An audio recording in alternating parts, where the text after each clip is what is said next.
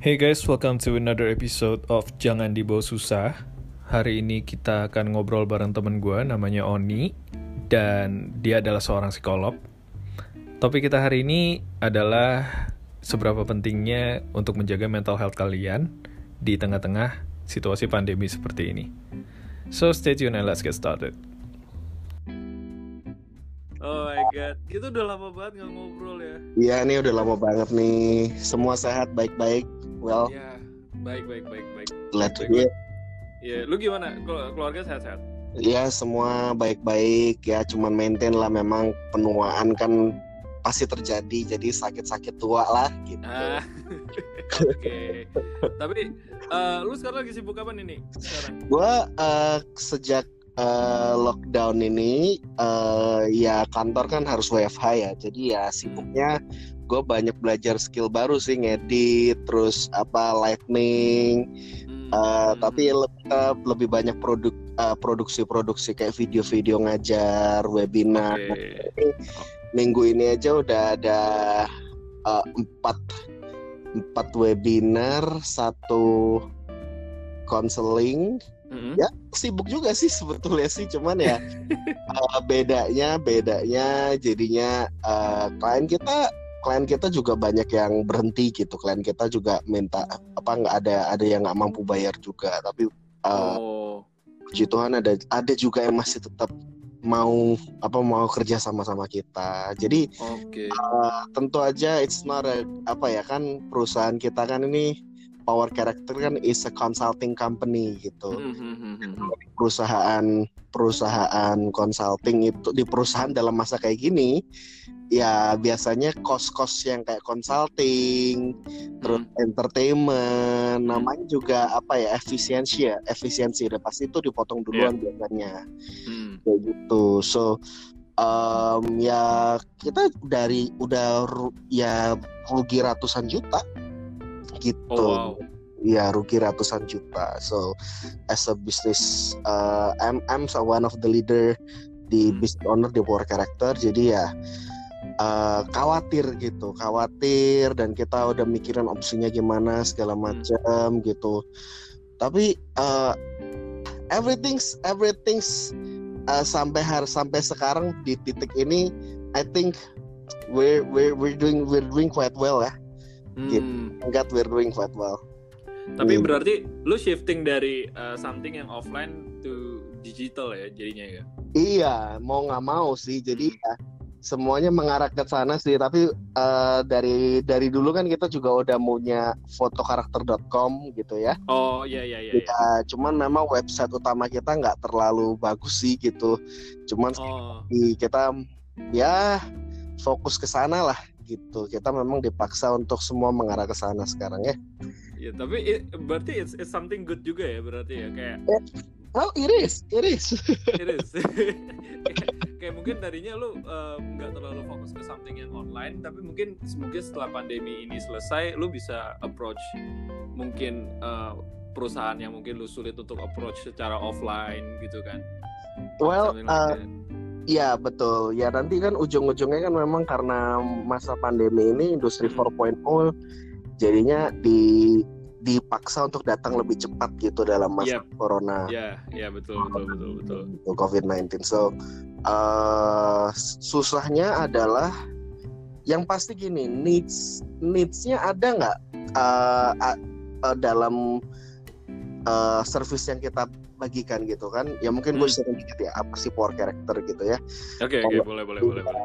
Power Character itu kan perusahaan jasa yang eh, penjelasan sederhananya adalah eh, konsultan HR di bidang karakter manajemen. Jadi human Hmm. capital character management gitu. Jadi Oh, Oke. jadi kalau misalkan perusahaan eh, punya kebutuhan untuk eh, training, Hmm. eh, recruitment selection, sistem gitu ya, eh, Hmm. KPI, job desk, struktur perusahaan, kita juga termasuk dalam business management consultation juga gitu. Oh, Oke. terjun ke sana. Jadi misalkan Hmm. kayak banyak perusahaan-perusahaan itu kan yang eh, berdiri tapi sistemnya uh, belum jelas nih. Jadi pokoknya fokus yang pertama yang penting kan cuan cuan cuan cuan begitu kapalnya Iya. udah bisa udah bisa ngapung, udah bisa dapat ikan, tapi Hmm. struktur kapalnya masih berantakan gitu. Oke. Assignnya masih berantakan. So uh, kita bantuin untuk ngerapiin uh, dari jam kerjanya, menyesuaikan orang-orang kerjanya sesuai dengan talentanya, Mm-mm. Sampai orang kerja nggak sesuai dengan karakternya. Nah, right man in the right place ya, Hmm, Uh, hmm. ngajar, mengequip orang-orang di dalamnya gitu. So I see. definitely needs ini selalu ada gitu dan uh, permasalahannya adalah uh, banyak perusahaan yang sekarang uh, terutama yang di bidang jasa ya everything yang di bidang jasa kayak perhotelan properti um, waduh itu itu ancur-ancuran sih bro Iya, iya. kacau kacau banget sih gitu ya Uh, it's a challenging situation tapi Yeah, it is. um, ya tapi perusahaan-perusahaan yang memang di bidang kayak eh, kebutuhan dasar ya gitu Hmm, itu masih masih masih surviving sih Iya sih. Berarti Gitu. eh, sekarang tuh lu lagi handle berapa perusahaan yang yang Eh, masih running? Sebelumnya itu kita ada handle 13 perusahaan Oke. gitu terus eh, sekarang yang existing ya yang di bawah 6 lah gitu Di bawah 6 ya. Iya di bawah 6 gitu. Jadi ya eh, tapi itu nilainya ya juga nggak nggak nggak sebesar yang yang sebelumnya juga. So eh one one one thing yang mungkin aku pengen sharing sedikit gitu which is I think I'm really impressed and blessed by my dad decisions gitu kan. Sebetulnya Hmm. tahun ini itu eh, bokap gue udah mau eh, udah mau pensiun gitu. Tapi tiba-tiba Oh. nah corona datang gitu Hmm. terus eh um, his his decision bilang kayak gini pokoknya kita harus eh fokus untuk tim kita tim kita harus eh, survive kita nggak boleh cepat-cepat layoff gitu jadi eh di di semua perusahaan yang lainnya udah mulai layoff layoff layoff layoff layoff Hmm. udah dipotongin segala macam gitu perusahaan kita masih berusaha mempertahankan gitu dengan cara pelan-pelan dipotong gaji dulu kita komunikasiin Hmm. kita kasih pengertian gitu dan eh eh, kita terus berdoa tiap bulan gitu untuk aduh Hmm. Jangan sampai jangan sampai klien ini tiba-tiba nggak bayar lagi gitu karena Ya. Jokowi menandatangani bahwa ini adalah force major, artinya semua kontrak yang eh, semua bisnis deal, semua kontrak yang ada tulisan force major itu bisa da- it's bisa batal kapan aja, It- Ya. Ya benar benar benar. including banking gitu. Jadi eh wah kacau sih memang. Ya tapi Ah. betul-betul belajar. Hmm. If you see by man's sight gitu ya, kalau kita pakai melihat dengan kacamata manusia ya kita sangat wajar ketika kita jadi takut dan di Hmm. malah jadi paranoid dan paralyzed gitu. Iya, iya. Tapi when we see that we are a spiritual being that have a soul that living in the body, Hmm.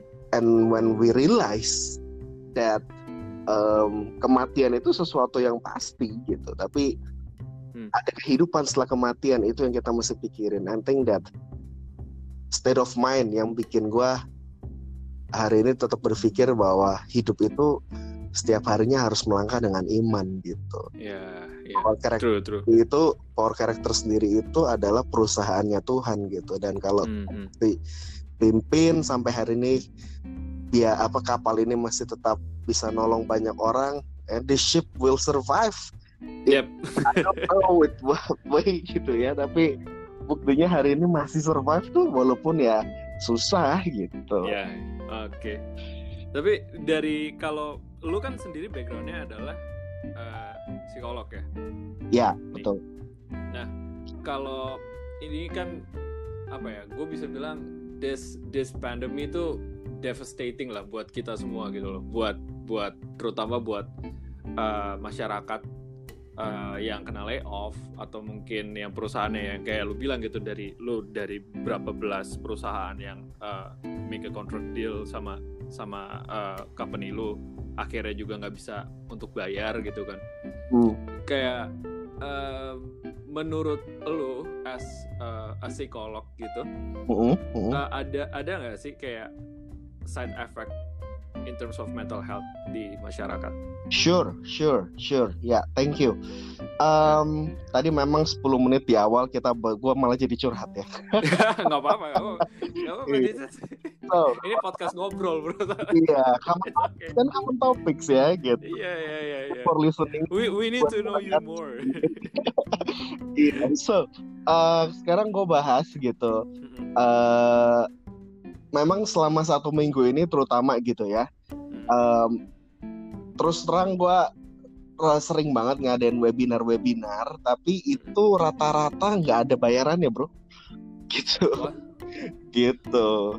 Ya itu for free itu itu webinar lu itu for free dan itu perusahaan-perusahaan gede kalau misalnya gue sebutin ya itu Iya. gede-gede bro gitu cuman yang perusahaan-perusahaan yang gede-gede tapi itu ya, Hmm. ya tapi mereka terpukul keras gitu gitu nah salah satunya bidang properti gitu Hmm, yang iya properti dan mereka curhat sama gue kayak gini aduh Mhm.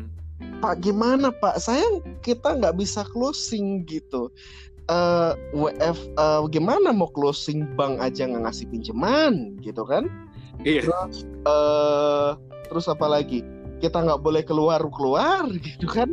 Ibarat Benar, kalau benar. misalkan satpam yang memang tugasnya harus berjaga di luar rumah, tapi disuruh WFH mana bisa? gitu iya iya iya iya.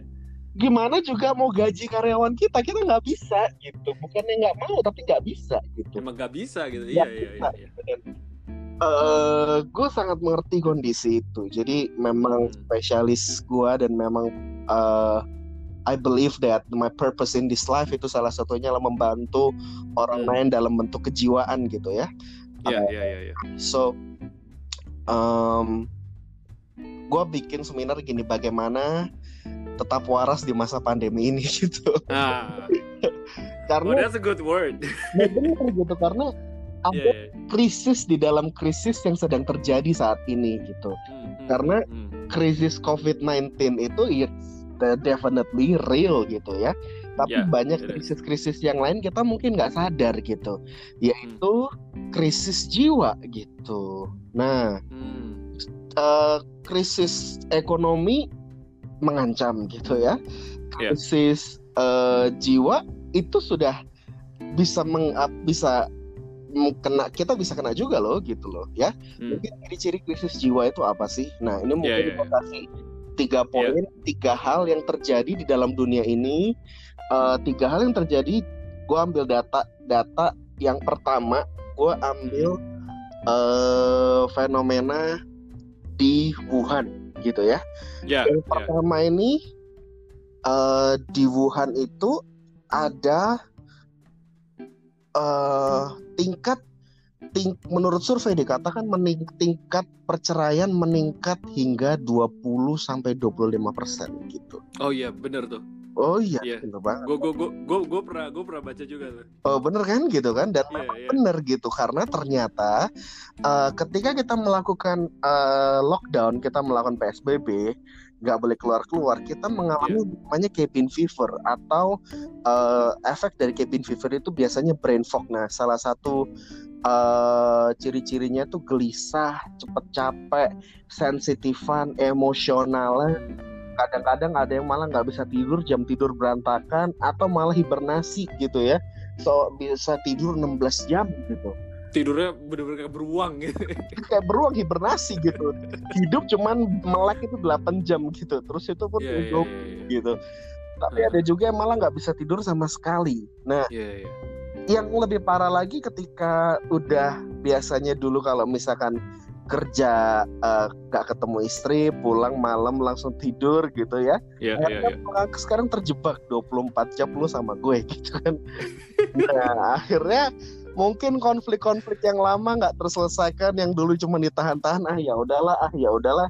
Yang penting kan eh yang penting kan lu gua dapet duit atau gimana. Sekarang mungkin ya duit juga udah nggak ada apa duitnya semakin menipis dipotong 50% dan terungkit lagi lah. uh, iya nah ya akhirnya ah udahlah gue nggak punya alasan lagi untuk lu uh, gue cinta sama lu akhirnya dicerai justru wow pada masa-masa ini kan keluarga itu yang harus uh, jadi semakin diuji. Nah, data ini juga ini uh, semakin ter uh, terkonfirmasi bukan hanya di Cina ini terjadi, tapi terjadi juga di Amerika. Malah di Amerika datanya menunjukkan dari uh, kalau nggak salah di di di New York Times kalau nggak salah ya, yeah, yeah. bahwa domestic abuse itu makin meningkat gitu. Nah, oh di Amerika Latin dia bilang ada another pandemi. Another pandeminya disebut sebagai kekerasan dalam rumah tangga. wow Wanita dilukai dan pelecehan seksual tuh semakin marak dan merajalela sih di Mhm. lockdown ini gitu. Nah, jadi uh, kok bisa kayak itu? Kok bisa? ya Karena ya ya ternyata um, bicara soal jiwa, jiwa itu punya pikiran, perasaan sama kehendak bebas gitu. Hmm. Pikiran, perasaan sama tindakan. Nah, gitu deh. Pikiran, Oke. perasaan sama tindakan. Kalau Hmm. misalkan jiwa kita ngaco, itu bicara tentang pikiran kita ngaco, perasaan Iya. kita ngaco, yang ber yang akibatnya otomatis tindakan kita jadi ngaco. Nah, bicara Hmm. tindakan itu bicara soal eh, pola bicara. Bicara kita bisa jadi ngaco, bicara kita bisa nyakitin orang lain, bicara kita bisa menyudutkan orang lain, ya. Hmm. Bicara kita bisa Iya. negatif terus. Nah juga tindakan bicara soal psikomotorik yang artinya respon-respon tindakan kita kita bisa aja nyakitin orang lain, kita bisa mukul, kita bisa nampar, kita bisa nyakar, kita bisa banting barang, kita bisa banting pintu. Dan ini terjadi, gue udah konsul tiga orang bro, yang frustasi di rumah terus gara-gara keluarganya bukan tempat yang nyaman wow gitu. Di Indonesia memang gue belum lihat ada uh, datanya ya soal hal ini. Iya. Kalau tapi tapi gue tadi baru baca juga nih di Ya. di eh, ada berita bahwa eh, kekerasan anak itu naik loh Oh, iya? ininya. oh iya iya iya nah, gue baru gue baru aja baca tadi eh, ya kekerasan anak itu meningkat di Indonesia nah ada sekitar 4 400 pelaporan baru ya tentang kekerasan anak Hmm. gitu. hmm, yang which is maksudnya ya eh, ini live memang gitu kan selaras gitu. Dan ini exist iya. dan ini terjadi bukan hanya cuma di Wuhan dan Amerika tapi seluruh dunia termasuk Indonesia. Yes yes yes it is. Gitu loh. Jadi ini wow. hal yang perlu kita waspadai kalau misalkan tadi Weldy nanya sama gua, what happened in our mental state in this pandemic Yep. gitu. Hmm, hmm, hmm. Itu yang tadi barusan gue ceritain. Ya. Nah, dan, dan gue Iya, juga memaparkan ada beberapa poin yang mungkin an- eh, para listener di sini pendengar Iya. mungkin juga rasakan gitu. Which is yang pertama, ya, yang Hmm. pasti ngerasain itu adalah stres. Ya, Iya, iya. stres itu yang awal-awal itu mungkin pas pertama WFA, wih asik juga sih libur gitu ya, berarti Iya, libur gitu ya, nggak usah bangun pagi nih, Nggak bangun pagi nggak usah macet-macetan di Jakarta. Iya. nah tapi begitu udah lebih dari dua minggu gila kok gua kok begini ya Iya. gitu kok kondisi Iya, iya, kok iya. gitu mulai Bener. khawatir gitu terus ngelihat sana sini kanan kiri waduh kok delay off waduh Ramayana Iya, waduh ini ini waduh jadi mulai khawatir. Nah jadi mulai. sebetulnya stres sendiri itu dibagi menjadi dua. Stres itu ada stres yang positif ada stres yang negatif. Wow, gue baru tahu ada stres yang positif ya. oh ya ada ada. Stres yang positif Oke, itu disebut sebagai eustress. Nah oke. stres ini eh itu ibarat kayak gini. Lu pasti kita semua pasti nger- ngerasain. Kayak Ah. begitu kita nerima project kita merasa semakin tertantang. Energi kita menggebu-gebu Oh iya, iya, iya, iya, iya. iya. semangat ngerjainnya tapi eustress itu nggak boleh lebih dari dua minggu Oh, kalau lebih dari dua minggu bisa mengarah ke stres yang negatif atau distress nah oh, wow. ini itu Hmm. biasanya mulai deh ibarat kayak mesin itu udah mulai burn out gitu. Nah, kita Oh, udah oke, mulai psikosomatis, Hmm. udah mulai depres gitu. Nah, distress yang kelamaan bisa-bisa mengarah ke depresi gitu ya. Hmm, hmm, hmm. Berkaitan juga nih eh, depresi loh. Depresi itu apa lagi? Nah, jadi eh, depresi ini adalah state of mind yang memang di mana kita betul-betul apa ya kayak turun mesin lah gitu analoginya ya. Iya. Kalau kan ini kan podcast jadi gue nggak bisa nunjukin gambar. Cuman pada Iya, iya. kalau teman-teman googling otak orang depresi sama otak orang sehat begitu di capture pakai fMRI gitu magnetic Hmm. resonance imaging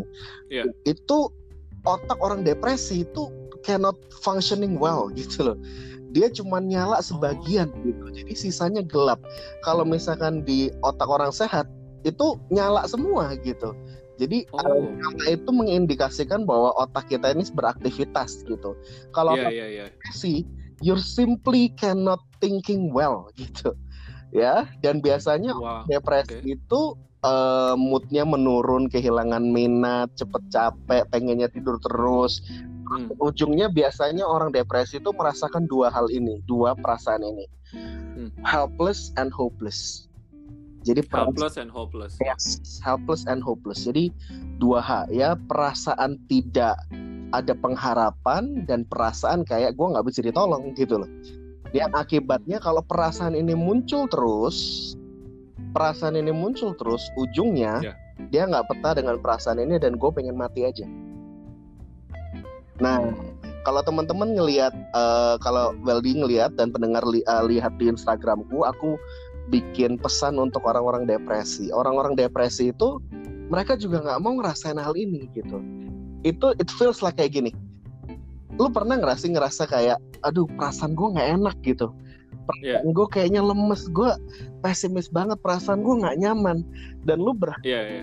begitu tidur gitu ya em, begitu bangun itu perasaannya hilang tapi begitu bangun melek perasaan itu masih ada bahkan mungkin meningkat gitu loh Ah, iya, iya, iya, iya. betul-betul experience yang nggak nyaman dan gue pernah benar. eh, nolongin orang yang mengalami depresi gitu eh, Hmm, karena postpartum depression jadi kalau ditanya depresi itu triggernya apa aja banyak sebetulnya Iya. cuman biasanya orang yang depresi itu eh, eh, dalam dalam konteks COVID-19 ini disebabkan karena eh, nggak ad- merasa tidak ada lagi pengharapan ke depan dan terjebak Hmm. tidak eh, ketidakmampuan mengelola stres dengan baik bisa mengarah ke depresi apalagi kalau kelamaan ya Iya, iya, iya. Benar. dibiarin terus gitu Hmm. Wow. Ini Ya. ini gue gue baik banget. Gue gue berusaha mencerna gitu. Eh, ini ini ini tuh bener-bener gue baru tahu banget sih. Maksudnya kayak karena gini loh. eh, banyak orang yang yang ngomong masalah de- eh, depresi itu eh, tanda kutip ya mengentengkan depresi gitu loh. Iya Iya, kan? Kata mengentengkan kata depresi itu gitu. iya Cuman iya iya. setelah gue denger dari lu tuh it's not as simple as maksudnya it's not as simple as that gitu. Betul betul iya kan? betul. Ya nggak nggak nggak nggak kayak ya udah gue depresi ini gue depresi. It's ya ya. Nggak sesimpel ya, itu nggak- bro. nggak sesimpel itu gitu Nggak- nggak sesimpel itu ternyata lo iya. Depresi itu Wow. eh, betul-betul kita nggak bisa diagnose ya. Mungkin kalau eh, teman-teman mm, pengen tahu gitu gue depresi Iya. atau enggak itu ada nah iya itu. Gitu jadi ada alat tesnya. Oh gitu. Iya ada alat ukurnya. Jadi kita nggak boleh self diagnose gitu. Ya termasuk eh, saya pribadi pun gitu aku pribadi gue pribadi pun kalau misalkan mau ngetes orang gue mesti pakai beberapa alat ukur sehingga mengukur alat eh, orang ini eh, betul-betul eh, mengalami depresi atau tidak gitu. Ya biasanya setelah dites pun pakai alat ukur baru dikonfirmasi dengan uh, interview baru bisa kita confirm gitu bahwa uh, uh, dia mengalami depresi kayak gitu see. Uh, berarti nggak sem- nggak semudah itu kita bilang ya gue depresi nih gue depresi nggak gitu juga bro Wah, Ya. berarti berarti ini ya, berarti lo ya, berarti ini teman-teman yang ngedenger ini, lo harus hati-hati dengan kata-kata itu, gitu. Betul. jangan, jangan lo dikit-dikit self proclaim lo depresi, men. Jangan. Yes. Itu lo lo sama aja lo kayak bisa jadi itu cuman tapi bisa jadi itu cuman stres ya.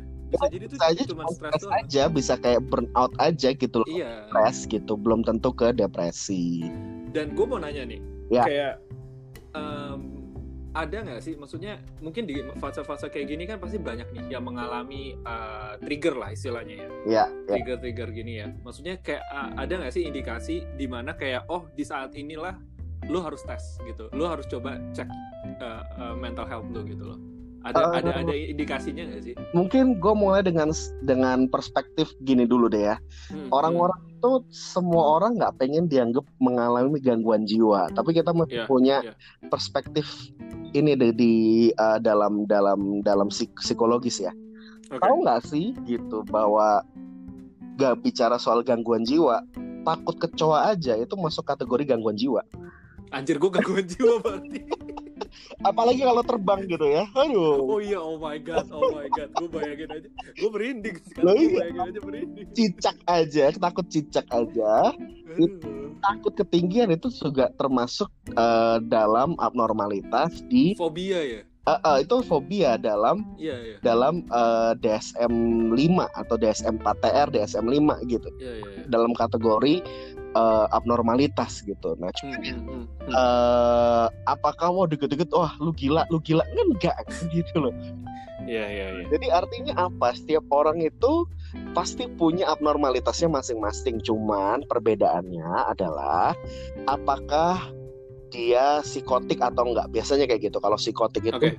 psikotik itu artinya sudah butuh penanganan khusus gitu ya sudah butuh Mm-mm. pertolongan khusus dalam bentuk eh, minum obat atau prescription ya ya, prescription atau iya iya itu apa terapi dan lain sebagainya Hmm, gitu. hmm. Cuman em, kita nggak perlu khawatir gitu kalau misalkan kita mengakui kayak what something's wrong in our life gitu ya. iya iya Nah, salah satu mungkin gue bahas sebetulnya yang dalam fase konteks COVID-19 bukan hanya depresi bro bro, yang mengancam kita, tapi Iya. ada namanya psikosomatis. Nah, psikosomatis nah psikosomatis ini juga mesti gue jelasin juga. nah coba coba apa Hah? Nah, ini juga biasanya dirasakan sama banyak orang. oke apalagi terutama COVID-19 ya. Psikosomatis ini adalah tekanan jiwa yang muncul ke reaksi fisik. Hmm, Nah, gue ulangin. Psikosomatis itu apa? Tekanan jiwa yang muncul ke reaksi fisik.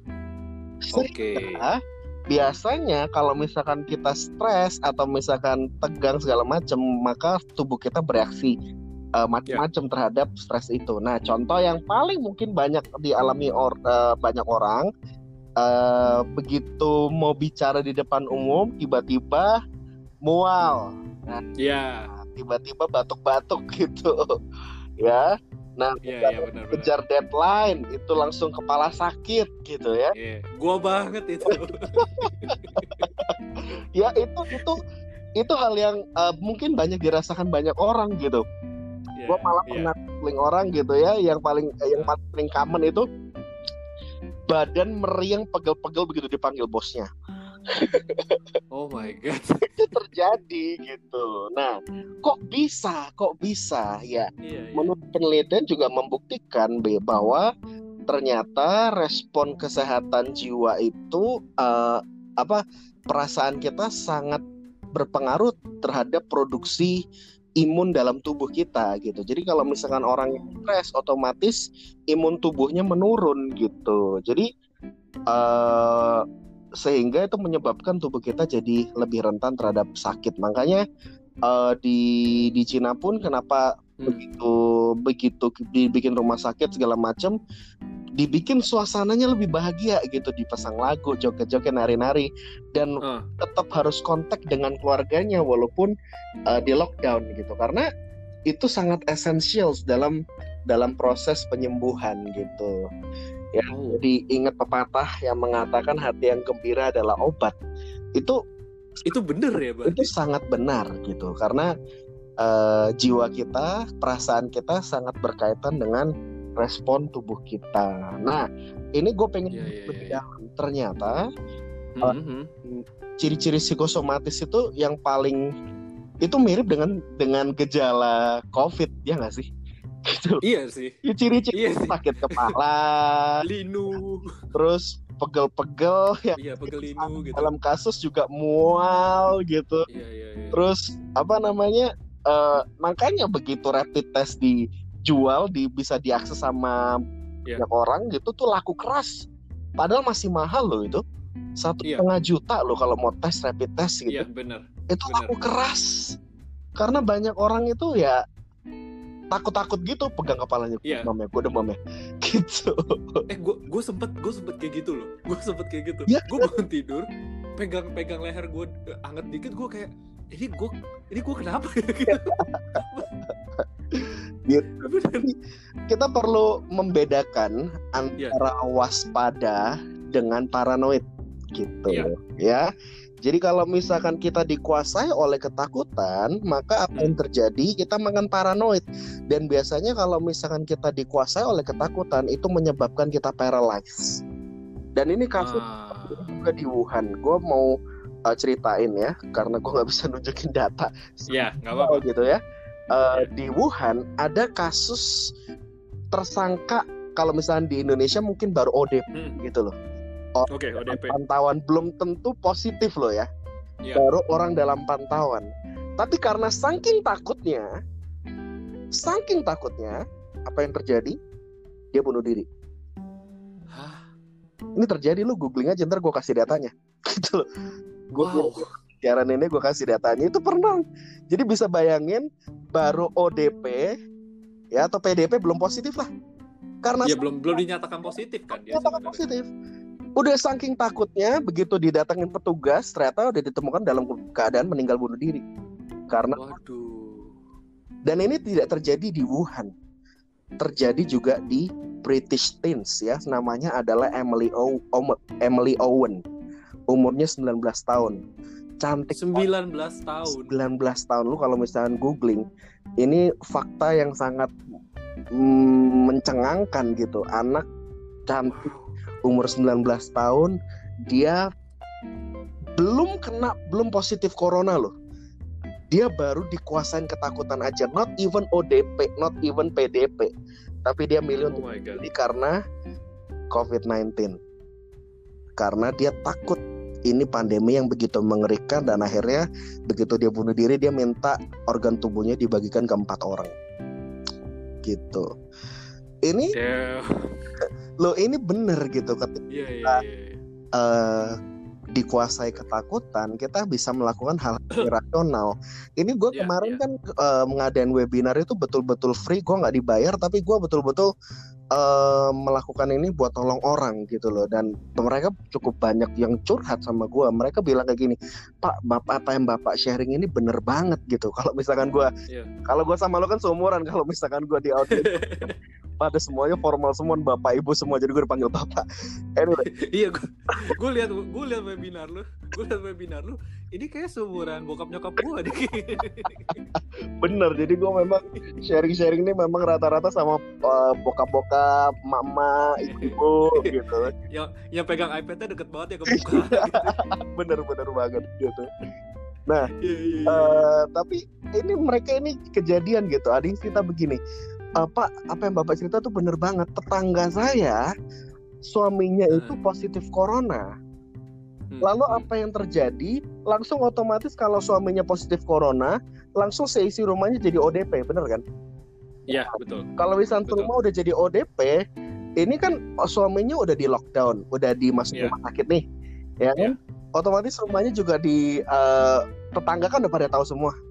Karena Iya. tetangganya sekelilingnya udah pada tahu semua, tekanan sosialnya begitu tinggi. Oh ya. Karena tekanan sosialnya begitu tinggi, istrinya juga stres. Lalu apa yang apa yang udah dia rencanakan dalam pikirannya, kalau dia nggak curhat sama sama temennya, Mm-mm. dia mungkin udah berencana untuk membakar rumahnya. Wow, se ekstrim itu ya responnya ya. we can do irrational things when we are scared. Kita bisa melakukan hal-hal yang irasional ketika kita dikuasai oleh ketakutan. Kita bisa melakukan hal yang irasional ketika kita emosional. Nah makanya di sini gue pengen eh, para pendengar dengar gitu bahwa Yap. sangat berbahaya ketika kita membiarkan perasaan kita menguasai logika kita. Salah satu sifat emosi Hmm. adalah gue kasih ilustrasinya kayak tabung. Tabung Ya. itu kan bisa kosong, bisa penuh gitu ya. Ini yang gue Hmm. sebut sebagai tabung emosi. Perasaan yang datang sama kita itu gue ibaratkan kayak tabung yang kosong gue isi air. Ya. Siapa pun yang ngisi air itu, itu bis- bisa terjadi kapan aja. Itu yang disebut sebagai emotional hijacking. Yang mau Hmm. emosi apa orang yang masukin air ke dalam tabung emosi kita itu bisa macam-macam kayak misalnya tiba-tiba uh, uh, lu ditampar well jebret Iya. wajar nggak kalau misalnya kita kesel Ya wajar. mungkin nggak gitu ditampar jebret ah, makasih ini pipi kiringan nggak gitu ya Nggak begitu. nggak begitu otomatis kesel dulu gitu kan Iya Begitu pasti kesel dulu dulu. begitu nyadar oh dia orang gila gue nggak usah bales gitu kan Iya. gitu kan Nah, Iya. jadi ada proses emosi dulu gitu baru Iya. baru kita bisa menganalisa apa yang sebenarnya terjadi. Betul. Betul. Nah. Betul. Jadi sama tabung emosi ini kita nggak boleh biarkan sampai penuh dan meluap. Kalau misalkan kita biarkan tabung emosi ini meluap, itu maka Hmm. kita akan masuk ke dalam fase di mana yang uh, namanya adalah emotional takeover, ya. Jadi Hmm. um, uh, itu adalah salah satu fungsi emosi. Yang pertama adalah emotional uh, hijacking atau amygdala hijacking. Jadi perasaan yang datang tiba-tiba disebabkan karena trigger macam-macam di luar sana itu bisa bisa aja terjadi gitu. Orang Oh, oke. orang bisa ngatain kita, orang bisa hate sama kita, uh, situasi bisa mengecewakan kita, orang bisa menge- uh, mengecewakan kita juga Iya, iya, iya. barang sekitar kita juga bisa ngecewa, mengecewakan kita juga, bisa bikin kita marah. Tapi tugas kita tidak boleh membiarkan tabung ini sampai penuh dan meluap. Karena kalau sudah penuh dan meluap, maka ada fenomena emotional takeover di mana Hmm. orang sepintar apa pun, maka logikanya otomatis shutdown. Dan emosinya yang mengi- emosinya lah yang menyetir. Iya, iya, Gitu iya, loh. iya. Nangkep ya logikanya. Jadi kayak gini, Nangkap, nangkap, nangkap, nangkap. ada kejadian kalau misalkan eh, orang ini pencipta Bluetooth kalau nggak salah gitu ya, Iya, dia iya. meninggal bunuh diri loncat dari apartemen gara-gara ketahu dia mengetahui bahwa istrinya selingkuh. Nah ini terjadi beneran gitu bahwa orang sepintar apa pun Hmm. ketika dia dikuasai emosi orang bisa melakukan hal-hal yang gila. Iya. Gitu. Nah tugas kita adalah buat para pendengar jangan sampai tabung emosi kita penuh sampai sampai meluap. Nah, kita harus belajar untuk begitu setengah nih, kita mesti punya teknik-taktik untuk mengeluarkan emosi itu sehingga kita bisa lega. Nah, itu yang disebut sebagai kata. Nah, Nah, kata itu. pelampiasan gitu. Hmm. Nah, ini ini bicara soal stress management nih, solusi nih, solusi ya. Oke, ya. Kita ngomongin problem, problem, problem, problem. Hmm. Terus gimana dong, Pak? Gimana dong, Bu? Gimana? Iya, mungkin mungkin dari dari teman-teman di sini nih mungkin berasa kayak eh, apa ya? Kayak ya mengalami hal-hal ini gue juga ada beberapa mengalami sih hal-hal yang tadi lo sebutin nih Ya, gitu. Cuman memang memang this is a really stressful situation dan ya udah pasti banyak pressure kan Iya, betul. dan ya eh, apa kayak gue tuh gue tuh penasaran aja sih kayak ada nggak sih kayak metode yang kita bisa day maybe daily activities apa yang bisa uh, menstimulate gitu untuk kita tetap stay positif gitu loh. Iya, iya, betul. Eh, ini masuk ke dalam tips-tips sederhana ya. Ini eh, Ya. teknik namanya coping stress strategies yang ya bahasa sederhananya adalah mengelola stres gitu ya.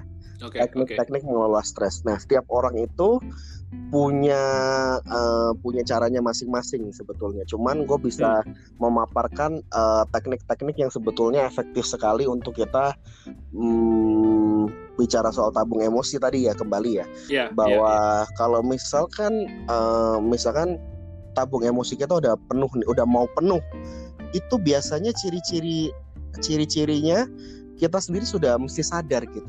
Kayaknya saya sudah emosinya ini udah di leher nih. Waduh ini udah di kuping nih. Itu udah udah, udah sadar gitu loh. Tugas kita adalah menyadari sendiri bahwa tabung emosi kita ini kosong, tengah-tengah, hampir meledak atau udah di ujung-ujung nih gitu. Itu kita mesti Itu harus sadar aware ya. berarti harus ya? aware. Pertama step Iya. awal adalah aware. Nah, Hmm, kalau hmm. misalkan sudah aware, kita baru mencari tahu sumber yang membuat saya emosinya melet- mau meletup ini karena apa. Nah, contoh, Hmm. misalkan konflik dengan pasangan, gitu Iya. ya. Nah, itu emosi kita sudah mau meletup. Nah, ada baiknya ketika kita boleh mendistraksi kita minta time out. Time out dengan arti kayak gini, saya saya butuh waktu untuk berpikir tenang, saya minta waktu sendiri. Saya bisa Hmm. meledak kalau saya membiarkan uh, konflik ini terus berlanjut gitu itu cara yang bijaksana gitu ya Oke. biasanya kan baru ngomong kan argumen argumen argumen lama-lama nada semakin tinggi bener gak sih Iya. nah kalau nada Iya, udah betul, semakin tinggi kita udah semakin emosi nah kita mesti nyadar oke oke oke udah ada Eh, saya mau sendiri dulu itu hal yang masih itu hal yang baik gitu ya terus Oke, oke. eh, kita mulai pindah apa ngelihat pemandangan lihat langit lah gitu ya. Kita dengerin lagu dengerin lagu itu salah satu distraksi yang baik. Gitu. Oh. ya jadi everything you do kita mesti stop. Kalau misalkan emosi kita mesti sadar don't decide anything. Stop what you, what you are doing right now what you're deciding right now stop dulu. Karena Hmm. keputusan yang di- dilakukan dalam emosi kita berujungnya penyesalan gitu. Betul. nah jadi kita mesti stop terus kita mendistraksi diri kita supaya bisa escalate gitu de-escalate apa de-escalate jadi menurunkan emosi itu Ya. dengan cara mendistraksi. Nah cara-caranya macam-macam. Ada salah satu eh, ada yang berdoa ada yang ada yang nyanyi ada yang eh, eh, main game ada yang nonton. Itu adalah salah satu yang salah cara-cara yang baik untuk meng- menyalurkan emosi kita. Ada yang juga dengan olahraga nonjokin samsak gitu dan lain-lainnya. Ya, ya apa pun apa pun gitu. Apa pun Iya, tapi iya. kita mesti ngerti mana yang paling efektif buat kita. Kalau saya kalau gue pribadi gue lebih suka ini ya eh, dengerin lagu. Dan Hmm. dan biasanya gue juga sambil humming atau setengah nyanyi itu biasanya rilis kayak setengah karaoke gitu loh. I see. karena kar kenapa karaoke laku? Karena karaoke adalah tempat pelampiasan emosi Bener sih. gitu loh.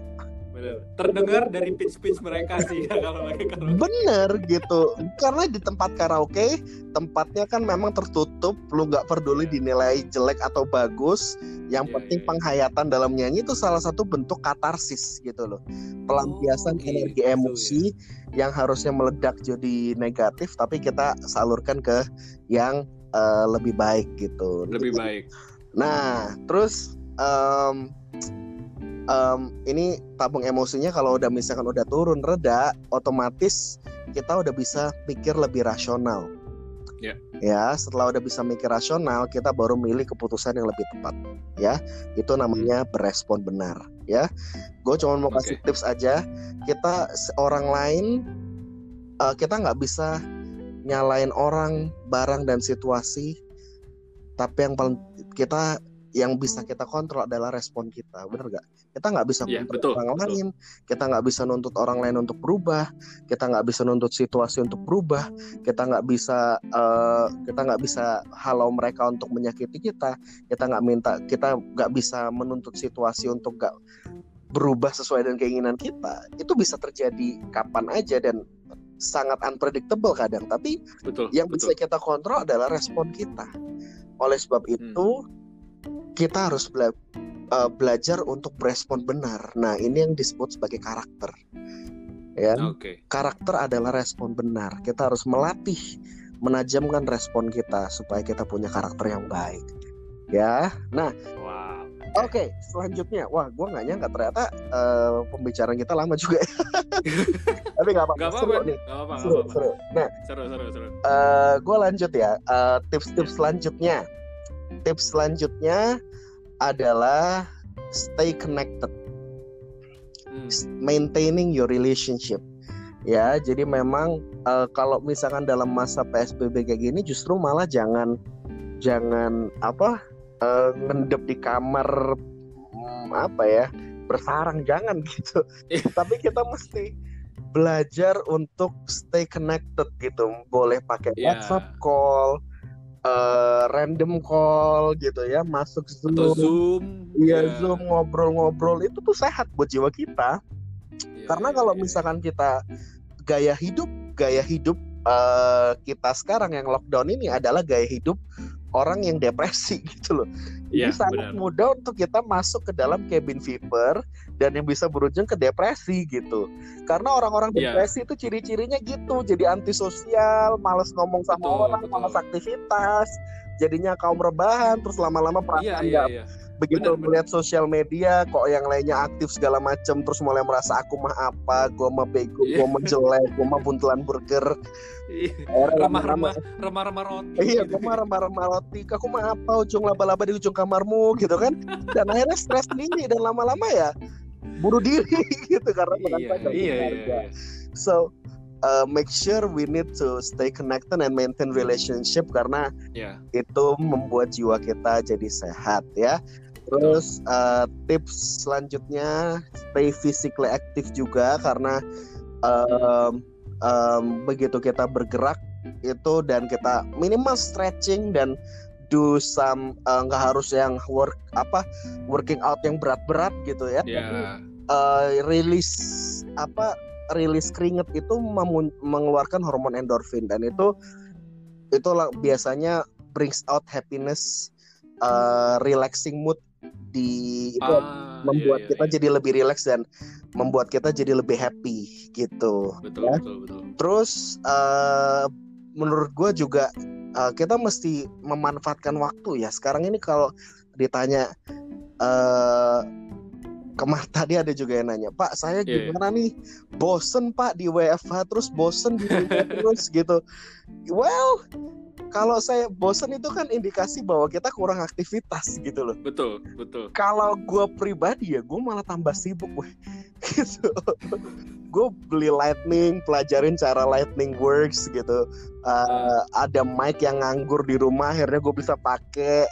Terus karena hope uh, udah lama gue nggak nyentuh gitar gitu udah lama gue Ah. nggak nyentuh alat-alat rekaman gue yang lama gitu so sekarang mulai coba-coba lagi ya produksi-produksi lagi, cover-cover lagu lagi Iya, iya, gitu. iya. Terus eh, belajar hobi baru gitu. Itu banyak hal yang kita bisa lakukan gitu. Dan betul betul eh, as for me personally, aku saya bis- aku bisa kasih eh, kasih preferensi gitu ya, skill-skill yang menurut eh, gua ada eh, eh, sangat sangat penting gitu ya. Karena bicara skill ini bukan sekedar hobi yang buat kesenangan kita, tapi uh, adapting in industry 4.0 ini kan salah satu bentuk perubahan yang pasti gitu kan Iya, dan iya. salah satu skill buat kita semua adalah personal branding menurutku ya personal Iya. branding di digital uh, digital marketing salah satu bentuk digital marketing kita gua Iya. udah diliatin foto-foto maafkan aku yang dulu gitu ya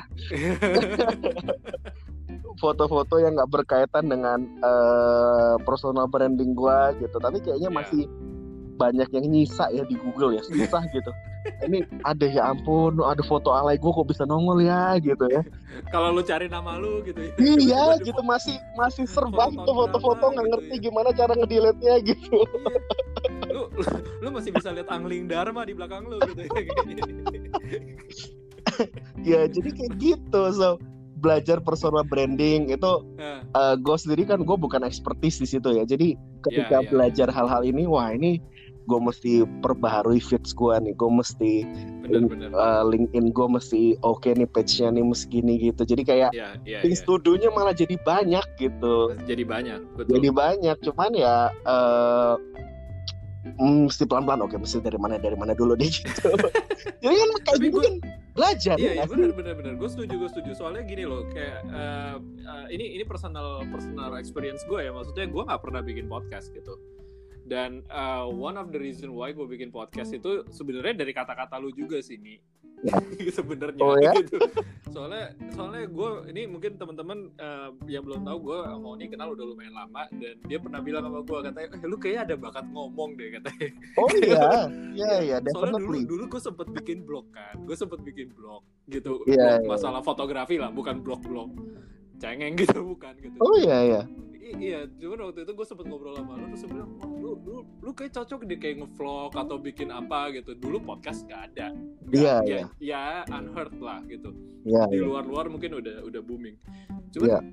ya gue nggak kamera face juga gitu loh gue nggak gue nggak bisa gue nggak bisa kayak hey WhatsApp my friend atau apa bawa bawa kamera ke mall gitu gue nggak bisa gitu cuman ya ya ini ini part of gue menyibukkan diri gue sendiri gitu loh. Yes maksudnya yes. mungkin kalau teman-teman berasa kayak ya anjir gue nggak tahu nih gue mau ngapain lagi ya mungkin di situlah lu mempertanyakan apa yang lu belum pernah lakuin gitu. Bener banget sih bener and, banget. and do it gitu. Benar, ya ya mumpung lu masih ada waktu lu mumpung lu masih ada mungkin lu ngelihat di bookshelf lu ada buku yang belum lu baca mungkin lu uh, kurang spend waktu sama orang tua lu lu bisa spend waktu Bener sama orang tua lu, banget. as simple as that gitu bener kan. banget bener banget bener and banget. it doesn't really have kayak gimana ya banyak orang yang mikir eh, oh gue mesti buat karya nih buat karya. Ya nggak nggak selalu lah. Nggak selalu lu untuk buat karya gitu loh. Dengan lu misalkan lu ngebaca buku atau lu ya as simple as ngobrol sama orang tua lu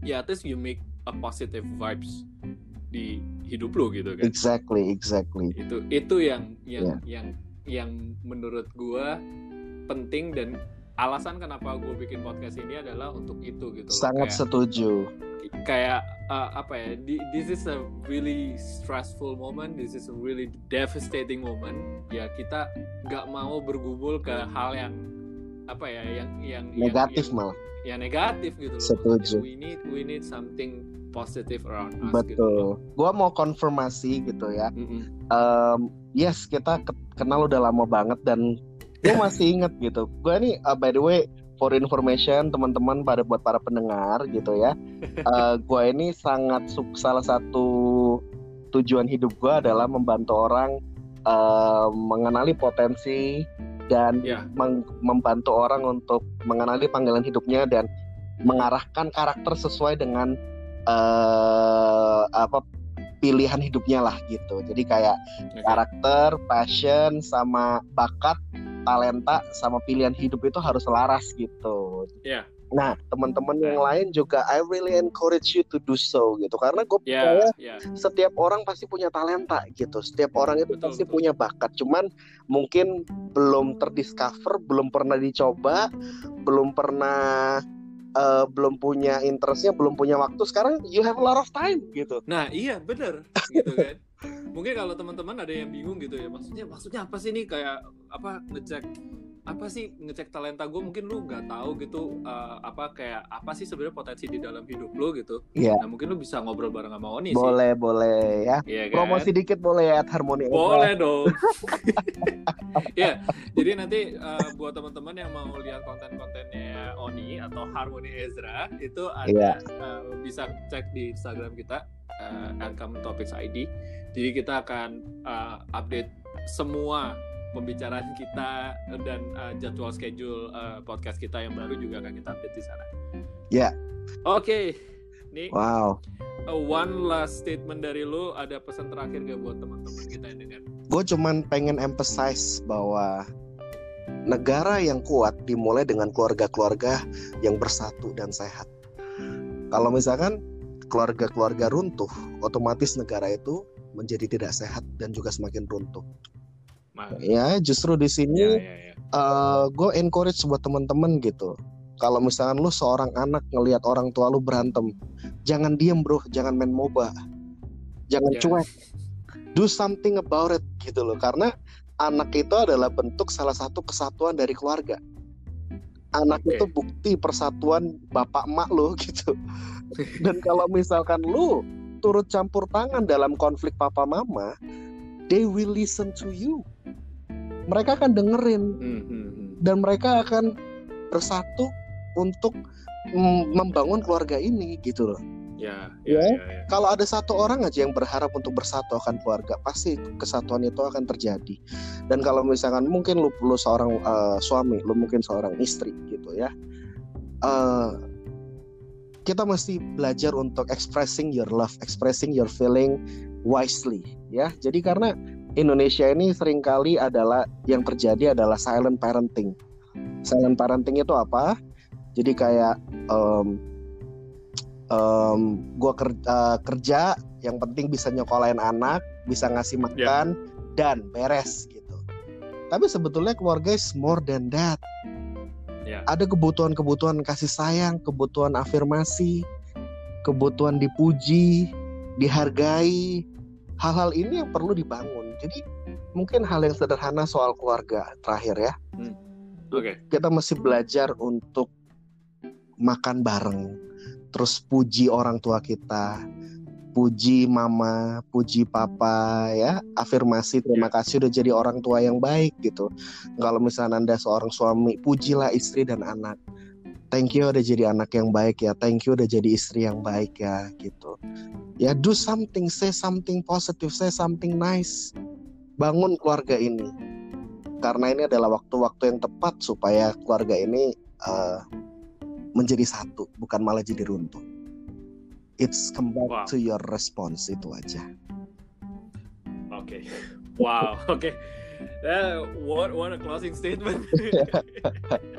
Tapi ya intinya adalah eh, mungkin kalau dari gua eh, you don't really have to apa ya maksudnya lu mikir sampai kejauhan just do a simple things yes and yeah it might make a huge impact gitu di di di, di kehidupan lu gitu. yes yes yes. Jadi jadi ya yang penting dari sesimpel lu cuci tangan deh.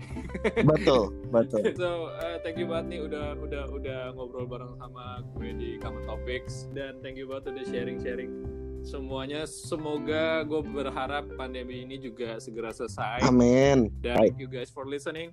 Um, gue kembali mengingatkan kalau kita lagi PSBB buat teman-teman yang entah ada di Surabaya atau di luar dari Jakarta yang sedang PSBB, please kalian diam di rumah, tetap stay at home, just do what you can do at home dan uh, mungkin sampai di sini aja. yes So see you in the next episode. see you Gua Weldy dan Harmoni Ezra oke, see you guys. see you